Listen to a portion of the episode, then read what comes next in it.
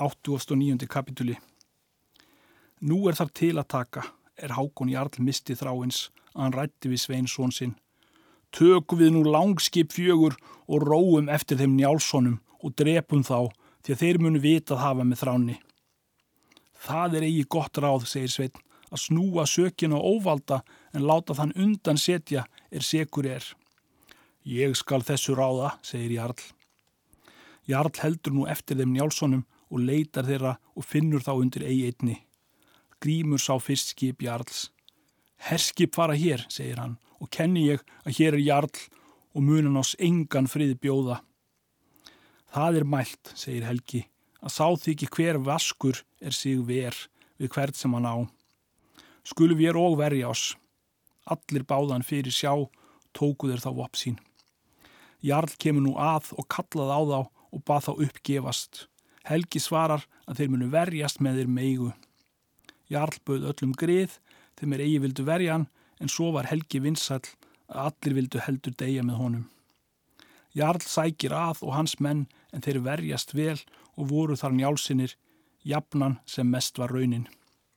Jarl bauð oft grið en þeir svöruð hennu sama og sögðust aldrei myndu uppgefast. Þá sóttaði þeim fast áslákur úr langei og komst upp á skipi þrejum sinnum. Þá mælti Grímur, þú sækir fast að og væri vel að þú hefðir erindi.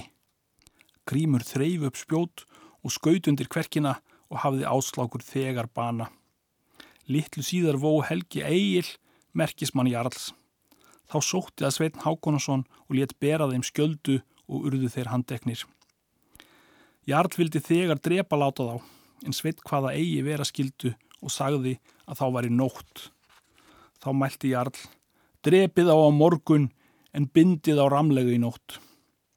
Svo mun vera verða, segir Sveit, en eigi hef ég vaskari menn fyrir fundið en þessa og er það hinn mesti skaði að taka þá af lífi. Jarl mælti, þeir hafa drepið tvo hinn af öskustu voru menn og skulu við því drepa þá. Menn voru þeir vaskari, segir Sveit, en þó mun þetta gera verða sem þú vilt. Voru þeir þá bundnir og fjötraðir eftir það sopnaði Jarl. En þá er hann var sopnaður, mælti grímur til helga. Braut vildi ég komast ef ég mætti. Leitu við nokkur að bragða þá, segir Helgi. Grímur segir að það likur öks einn og horfir upp ekkin. Grímur skrýður þanga til, hann getur skorið bógastrengin af sér við öksinni en þó fekk hann sár mikil á höndum. Þá leist hann Helga. Eftir það skreittust þeir fyrir borð og komust að landi svo að þeir jarl urði ekki varir við. Þeir brjóta af sér fjötrana og ganga annan vega á eina. Tók þá að modna. Þeir fundu þar skip og kendu að þar var komin Kári Sölmundarsson. Fóru þegar á fundans og sögðunum hrakning sína og síndunum sár sín og hvaðu þá jarl mundu í svefni. Kári mælti, illa verður slíkt en þér skulu taka rakningar fyrir vonda menn eða hvað er nú gjört næst skapi ykkur? Fara að jarli og drepan, segja þeir. Ekki mun þess auði verða, segir Kári, en ekki skortir ykkur áhuga, en þó skulu við vita hvort hann sé þar nú. Síðan fóruð er þangað og var þá jarli í brautu. Þá fór Kárin til hlaða á fund Jarls og færðunum skattin. Jarl mælti, hefur þú tekið Njálssonu til þín? Svo er víst, segir Kári. Viltu selja mér sonu Njáls, segir Jarl. Það vil ég eigi, saði Kári. Viltu sverja þess, segir Jarl, að þú vildir eigi að mér fara eftir? Þá mælti Eirikur Jarlsson. Ekki er slíks að beigða, hefur Kári jafnan verið vinur vor og skildi eigi svo farið hafa ef ég hefði þar verið. Njálsinni skildu öllu hafa haldið heilu en hínu skildu hafa haft refsing er tilhauðu gjört. Þætti mér nú sæmilegra að gefa Njálssonum góðar gafir fyrir rakningar þær sem þeir höfðu og sárafar. Jarl mælti, svo myndi vera víst en eigi veit ég hvort þeir vilja taka sættir.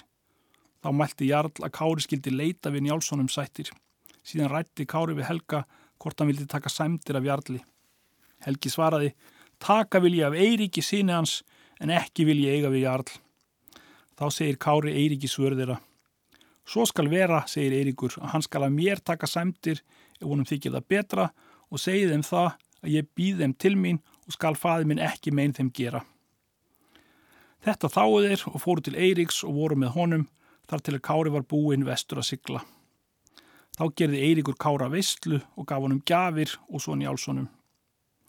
Síðan fóru þeir Kári vestur um haf á fund Sigurdar Jarls og tók hann við þeim all vel og voru með Jarlum veturinn. En um voruð bað Kári njálssonu að fara í herna með honum en grímur hvaðst að gera myndu ef hann vildi fara með honum til Íslands. Kári hétt því. Fóru þeir þá með honum í hernað. Þeir herjuðu suður um öngulsegjar og allar suðuregjar. Þá heldur þeir til Saltiris og gengu þar upp og börðust við landsmenn og fengu þar fjár mikils og fóru til skipa. Þá fóru þeir suðu til Breitlands og herjiðu þar. Þaðan heldur til Manar. Þar mættu þeir guðröðu konungjur mön og berjast þeir við hann. Þeir höfðu sigur og drápu dungal són konungs. Þar tóku þeir fyrir mikið. Þá heldur þeir norðu til Kólu og fundu þar gittla jarl og tók hann við þeim vel og dvöldust með hann um nokkra hríð. Jarl fór með þeim til Orknei á fund Sigurdar Jarls en um vorið gifti Sigurdur Jarl gilla nereiði sýstur sína. Fór hann þá í Suðuregar. Nýtuasti kapituli Það sumar byggustir Kári og Njálsinni til Íslands og erður voru albúnir, genguður á fund Jarls, Jarl gaf þeim góðar gafir og skilduður með mikilli vináttu. Látaði nú í haf. Þeir hafa útvistir skammar og gaf þeim vel byri og komu við eirar. Fáði sér hesta og ríða frá skipi og heim til Bergþórskóls. En er þeir komu heim, urðu allir menn þeim fegnir. Þeir fluttu heim fésitt og réðu skipi til hunds. Þar var Kári þann vetur með njáli. En um vorið bað Kári Helgu, dóttur njáls, og fluttu þeir grímur og helgi með honum og laug svo að hún var föstnuð Kára og var kveðið á brúðhlaupstefnu og var bóðið halvu mánuði fyrir mitt sumar og voruðið þann vetur með njáli. Þá kefti Kári land að dýrhólmum austur í Mýrdal og gerði þar bú. Þau fengu þar fyrir ráðamenn en þau voru með njáli jafnan. 91. kapituli Rappur átti bú á rappstöðum en þó var hann að grjóta á jafnan og þóttan þar öllu spilla. Þráin var vel til hans. Engveru sinni er Ketilur mörk var að berðarskóli þá segja njálsinni frá rakningum sínum og hvaðust mikið eiga á þráni Sigfúsinni næst sem þeir talaði til.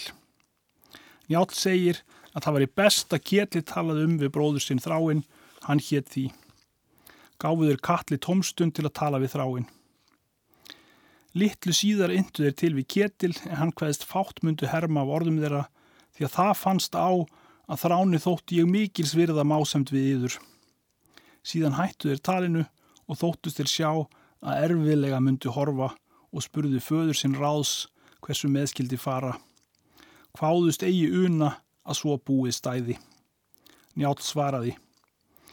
Egi er slíkt svo óvand. Það mun þykja um sakleysi ef þeir eru drefnir og er það mitt ráð að skjóta sem flestum um að tala við á að sem flestum verði heyrin kunnugt eðir svara illa. Þá skal Kári umtala því að hann er skapdeildar maður. Mun þá vaksa óþokki meður því þeir munu hlaða saman íllirðum er menni eigur hlutað, þeir eru menn heimskýr. Það kann á vera að mælt sé að síni mínu sjöu seinir til aðgerða og skulu þér það þóla um stund því að allt orkar tvímælis þá er gert er. En svo fremi skulu þér orða á koma er þér ætli nokkuð að að gera ef þið er ítla leitað. En ef þér hefði við mig um ráðist í fyrstu, þá myndið þér aldrei hafa orði á komið og myndið þér þá engi svíverðingi vera, en nú hafið þér af hérna mestu raun og mynd þá þó svo aukand að fara um yðra svíverðing að þér munu ekki fá að gert fyrir þér leggji vandrað á yður og vegi með vopnum og er því langa nót að að draga. Eftir það hættu þér talinu og varð hér um margs manns umræða. Engveri sinni rættu þeir að Kári myndi fara. Kára hveðst önnur ferð be þykja betri en hveðst þó myndi fara en þetta voru ráðni áls. Síðan fyrir Kári til fundar við þráinn, talaðir þá um málið og þykir þeim eigi einn veg báðum. Kári kemur heim og spyrja þeir njálsinnir Kára hversu fór með þeim. Kára hvaðst ekki hermumundu orðeira og er meiri von að meldi slíkt svo að þér heyrið. Þráinn hafði 15 karla víga á bæsinum og riðu átta með honum hvert sem hann fór. Þráin var skrautmenni mikill og reyði jafnan í blárri kápu og hafði gildan hjálm og spjótið í arlsnaut og fagran skjöld og sverði girður. Með honum var jafnan í för Gunnar Lambasson og Lambi Sigurðarsson og Grani Gunnarsson frá Líðarenda. Vígarrappur gekk honum þó næst jafnan. Lóðin hétt heimamaður hans, hann var á jafnan í ferðu með þráni. Tjörfi hétt bróðir Lóðins er enn var í ferðu með þráni. Þeir lögðu verst til þeirra njálsona, vígarrappur og grani og ollu mest er þeim var engin sætt bóðin. Njálsinir myndu oft kára á ef hann vildi fara með þeim og það varðum síðir og sagðan að það væri vel að þeir heyrðu sögur þráins. Byggust þeir þá fjórir njálsinir og kári hinn fymti þeir fara til grjótar. Þar var andir í breytt og máttu margir menn standa jafnfram. Kona einn var úti og sá ferðin Jálssona og segir þráni. Hann bað menn gangi í andirið og taka vopp sín. Þeir gerðu svo. Stóð þráin í miðjum dyrum en þeir stóðu til sinnar handar hvor, Vígarrappur og Grani Gunnarsson, þá þarnæst Gunnar Lambasson, þá Lóðin og Tjörfi, þá Lampi Sigurðarsson, þá hverað hendi því að karlar voru allir heima. Þeir skarpiðin ganga neðan að og gekk hann fyrstur, en þá kári síðan höskuldur og grímur og helgi. En er þeir komað neðan þá fjellust þeim allar kveðjur er fyrir voru. Skarpiðin mælti. Allir séu við er velkomnir. Hallgerður stóði í andirinu og hafði talað hljótt við rapp. Hún mælti. Það mun engi mæla sá er fyrir er að þér séu velkomnir. Skarpiðin mælti. Ekki munu meg orð þín því að þú ert annarkvort hordkerling eða púta. Goldin skulu þér verða þessi orð, segir hún, áður þú ferð heim. Helgi mælti. Þig er með komin að finna þráinn ef þú vilt gera mér nokkra sæmt fyrir rakningar þær er ég hlaut í Nóriði fyrir þínar sakir. Þráinn mælti. Aldrei vissi ég að þið bræður myndu gera drengskap ykkar til fjár eða hversu lengi skal fjárbón þessi yfir standa. Það munu margir mæla, segir Helgi, að þú ættir að bjóða sæmtina þar er líf þitt lág við. Þá mælti rappur. Það gerði nú gæfumunin er sáhlaut skellin er skildi og dróiður undir hrakninguna en oss undan. Lítil var það gæfa, segir Helgi, að bregða trúnaði sínum við jarl en taka þig við. Þykist þú eigað mér bótina eiga, segir Rappur. Ég mun bæta þér því sem mér þykir maklegt. Þau einn skipti munum við eiga, segir Helgi, að þér mun ekki betur gegna. Skarpiðin mælti. Skiptum ekki orðum við Rapp en göldum honum rauðan belg fyrir gráan. Rappur mælti. Þegi þú skarpiðin, ekki skal ég spara að bera mína öksið höfðið þér. Reynd mun slíkt verða, segir skarpiðin, hver grjóti hliður að höfði öðrum. Farið heim taðskiklingar, segir Hallgerður, og muni við svo jafnan kalliður hérðan frá en föður í þar karlhins geglusa. Þeir fóru eigi fyrir í braut en allir urðu sekir þessara orða þeir fyrir voru nema þráinn. Hann þekkti menn af orðum þessum. Þeir fóru í braut njálsinir og komu heim þeir sögðu föður sínum. Nemnduðu nokkra votta að orðunum, segir njál. Enga, segir skarpiðin. Við ætlum ekki að sækja þetta nefn og vopna þingi. Það mun nú engi ætla, segir Bergþóra, að þér þórið vopna hefja. Hafðu lít við, húsfreyja, segir Kári, að ekki að sonu þína því þeir munu þó ærið framkjarnir. Eftir það talaði lengi hljótt, allir feðgar og kári. 90. annar kapitúli Nú verður umræða mikil um deild þeirra og þóttust allir vita að eigi myndi svo búið sjatna. Runolfur sonur Úls Örgóða austur í dal var vinur þráins og hafði bóðið þráni heim og var ákveðið að hann skildi koma austur þá er þrjáru vikur voru að vetri eða mánuður. Þráinn batir þessarar ferðar, Vígar Rapp með sér og Grana Gunnarsson, Gunnar Lambasson, Lamba Sigurðarsson, Lóðin og Tjörfa. Þeir voru átta. Þær skildu og fara Þorgerður og Hallgerður. Því lísti og þráinn að hann ætlaði verið mörg með kalli bróður sínum og gerði á kveðið hversu margar nætur hann ætlaði heiman að vera. Þeir höfðu allir alvæpni, riðu nú austur yfir markarfljót og fundu þar snauðar konur og báðu að þær skildu reyða vestur yfir fljótið. Þeir gerðu svo. Þá riðu þeir í dal og höfðu þar góðar viðtökur. Þar var fyrir ketilur mörg, sátu þeir þar tværi nætur. Runolfur og ketill báðu þráinn að hann myndi semja við Njálssonu en hann hveðst aldrei skildu fjegi alda og svaraði stygt og hveðst hvergi þykjast var búin við Njálssonum hvar sem þeir fyndust. Vera má að svo sé, segir Runolfur, en hinn að skilning hef ég að engi sé þeirra maki síðan gunnar að hlýðarenda lést og er það líkara að hér drægi öðrum korum til bana. Þráinn hveðst ekki það myndur ræðast. Þá fór þráinn upp í mörg og var þar tvær nætur. Síðan reyðan ofan í dal og var hvort vekja útleistur með sæmilegum gjöfum. Markarfljót fjalli meðal höfuð Ísa og voru smá spengur á hér og hvar. Þráinn segir að hann ætlaði heima ríða um kveldið. Runur baðan eigi heimríða segir það vera varlegra að fara eigi sem hann hafi sagt. Þráinn svarar, hræðsla er það og vil ég það eigi. Konur þær er þeir rittuður fljótið komu til Bergþórskvóls og spurði Bergþóra hvaðan þær væru en þær söðust vera austan undan eigafjöllum. Hver reytiður yfir markarfljót, segir Bergþóra. Þeir er mestir oflátar eru, segja þær. Hverjir voru þeir, segir Bergþóra. Þráinn Sigfússon og fyldramenn hans, sögðu þær, en það þótti oss að er þeir voru svo fjölorðir og íllorðir hinga til bondaðins og svona hans. Margir kjós ekki orð á sig, segir Bergþóra. Síðan fóru þar í braut og gaf hún þeim góðar gjafir og spurðu þær hversu lengi þráinn myndi í brautu vera en þær sögðu að hann myndi í braut vera fjórar nætur eða fimm.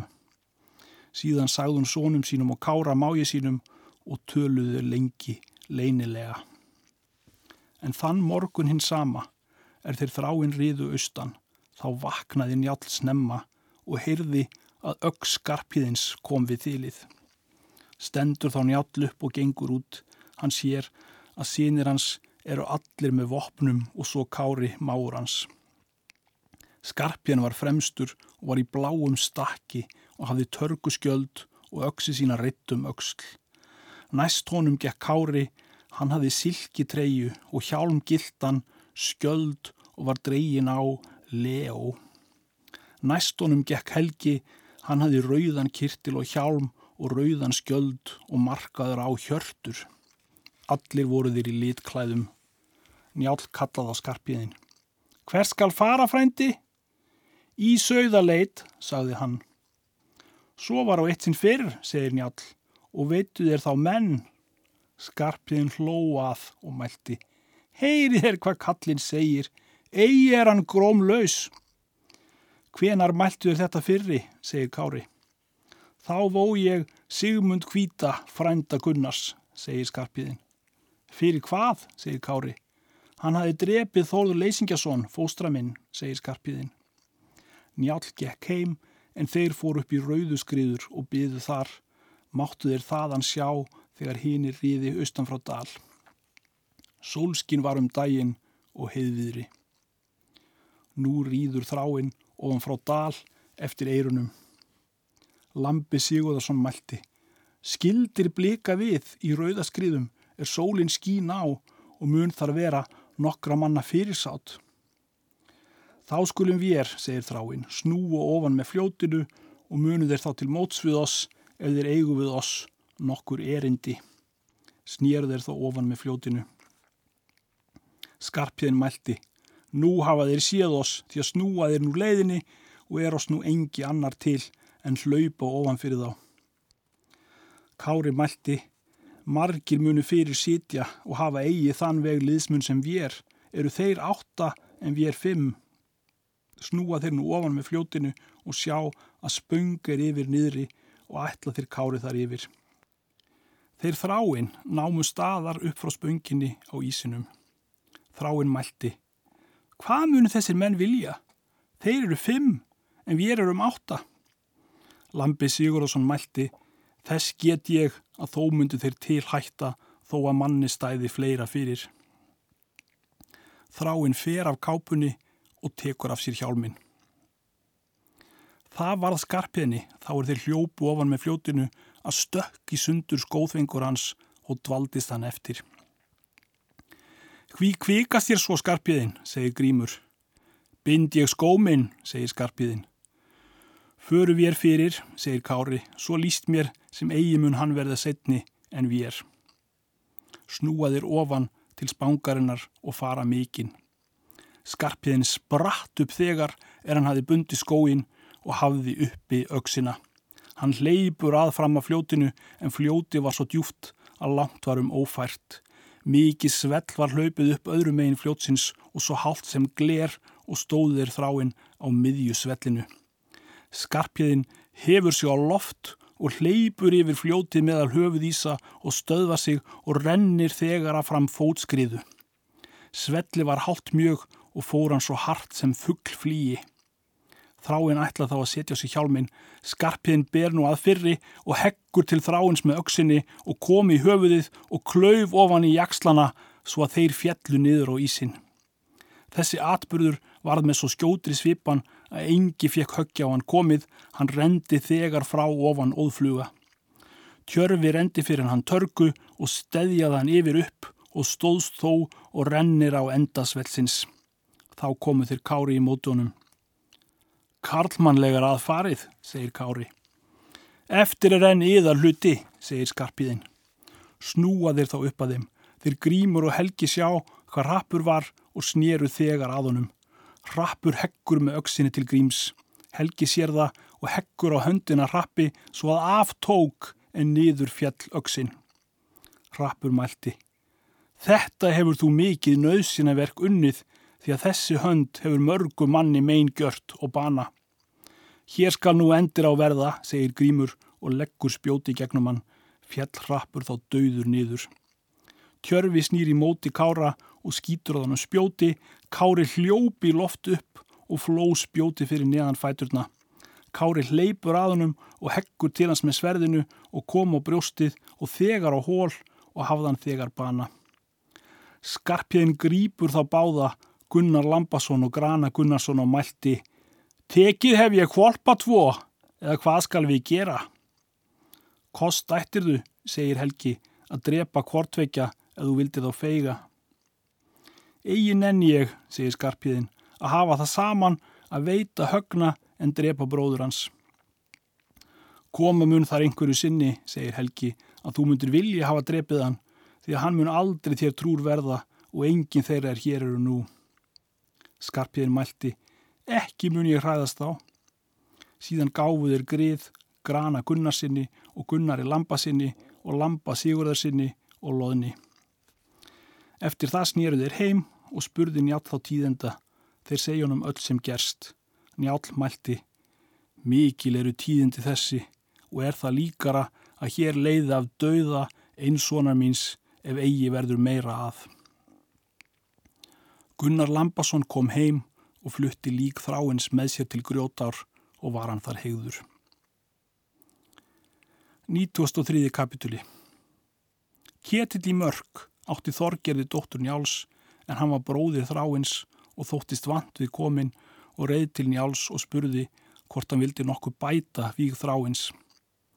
Njál svarar, bæta vil ég svo að vel sé og vil ég að þú leitir þess við bræður þína þá er bauga eiga að taka að þeir taki sættum. Ketil hverst að vilja gera gjarna.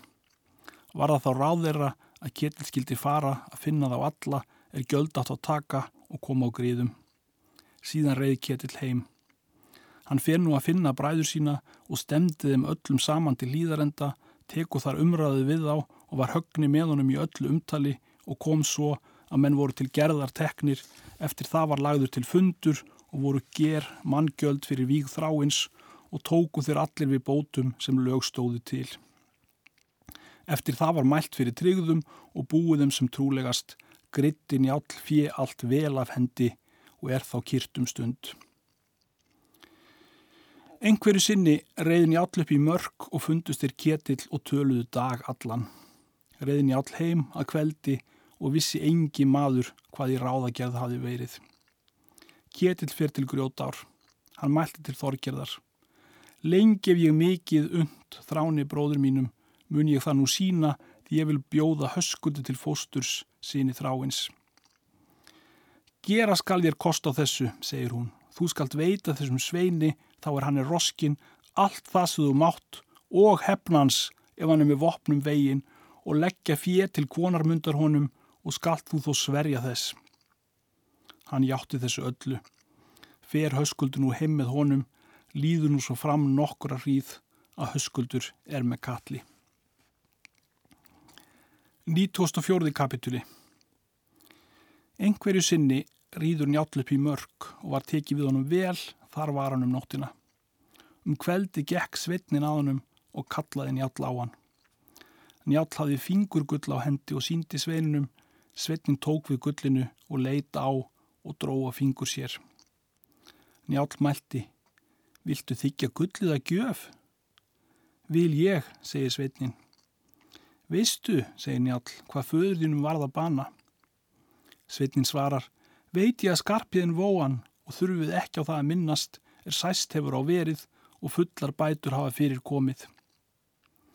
Betur er svarað, segir Njál, en ég spurði og mynd þú verða góður maður. Góðar þykja mér virðingar yðrar er þér spáið mér, segir Sveitnin, því að ég veit að þú ert forspár og ólígin. Njál mælti, nú vil ég bjóði þér fórstur ef þú vilt þykja. Hann hvers þykja vilja bæði þann góða og annan þann sem hann gerðunum. Urðu þar málaliktir að höskuldur fór heim með njáli og fóstraði njallan, hann let sveininum ekki megin og unni honum mikið. Þeir síni njáls leittan eftir sér og gerðunum allt til sóma. Nú líður þar til er höskuldur er frumvaksti. Hann var bæði mikill og sterkur, manna fríðastur sínum og hærður vel, blíðmæltur og örlátur, stiltur vel, manna best vígur, góðorður til allra manna, hann var vinsæl maður aldrei skildi þá sónun Jáls á um neitt hlut. 1950 kapituli Maðurinn nefndur Flósi, hann var sónur Þórðar Freyskoða, Össurarssonar, Áspjarnarssonar, Heijangur Spjarnarssonar, Helgasonar, Bjarnarssonar bunu. Móðir Flósa hétt Ingun, dóttir Þóris á Espihóli, Hámundarssonar Heljarskins, Hjörssonar, Hálssonar, þessi réð fyrir hálsrekkum, Hjörleifssonar hins kvensama. Móður Þóris var yngun, dóttir Helga hins magra er nam Eyjafjörð. Flósi átti steinvöru, dóttir Hats á síðu, hún var laungetinn og hétt Sólvör móður hennar, dóttir Heljóls hins kvíta. Flósi bjóða svínafelli og var höfðingi mikill, hann var mikill vexti og styrkur, manna kapsamastur. Bróðir hans hétt Starkaður, hann var samfeðra við Flósa, Móðir starkaðar hétt Þraslaug og var dóttir Þorstins Tittlings Geirleifssonar en móðir Þraslaugar hétt Unnur og var dóttir Eyvindar Karfa, landnámsmanns og sýstir Móðólsins baka. Bræður Flossa voru þeir Þorgir og Steinn, Kolbeinn og Egil. Hildigunnur hétt dóttir starkaðar, bróður Flossa. Hún var skörungur mikill og kvenna fríðust sínum. Hún var svo hög að fáar konur voru þær er hagari voru. Hún var allra kvenna grimmust og skaphörðust og drengur mikill þar sem velskildi vera. 1970 kapituli Hallur hétt maður er kallaður var síðu Hallur. Hann var Þorstinsson, Böðvarssonar. Móðir Halls hétt Þórdís og var Össurardóttir, Rollaugssonar, Röggvaldssonar Jarlsaf Mæri, Eistinssonar Glumru. Hallur átti Jóreiði þýðrandadóttur hins Baka, Ketilssonar Þrims, Þórissonar þýðranda úr Veradal. Bróðir Jóreiðar var Ketil Þrimur í Njarðvík og Þorvaldur fadir Helga Dróblaugarssonar. Hallkalla var sýstir Jóreiðar, móðir Þorkil Skeitissonar og þeirra þýðranda. Þorstitt hitt bróðir Halls og var kallaður Breiðmægi, són hans var Kólur, er kári vegur í Breitlandi.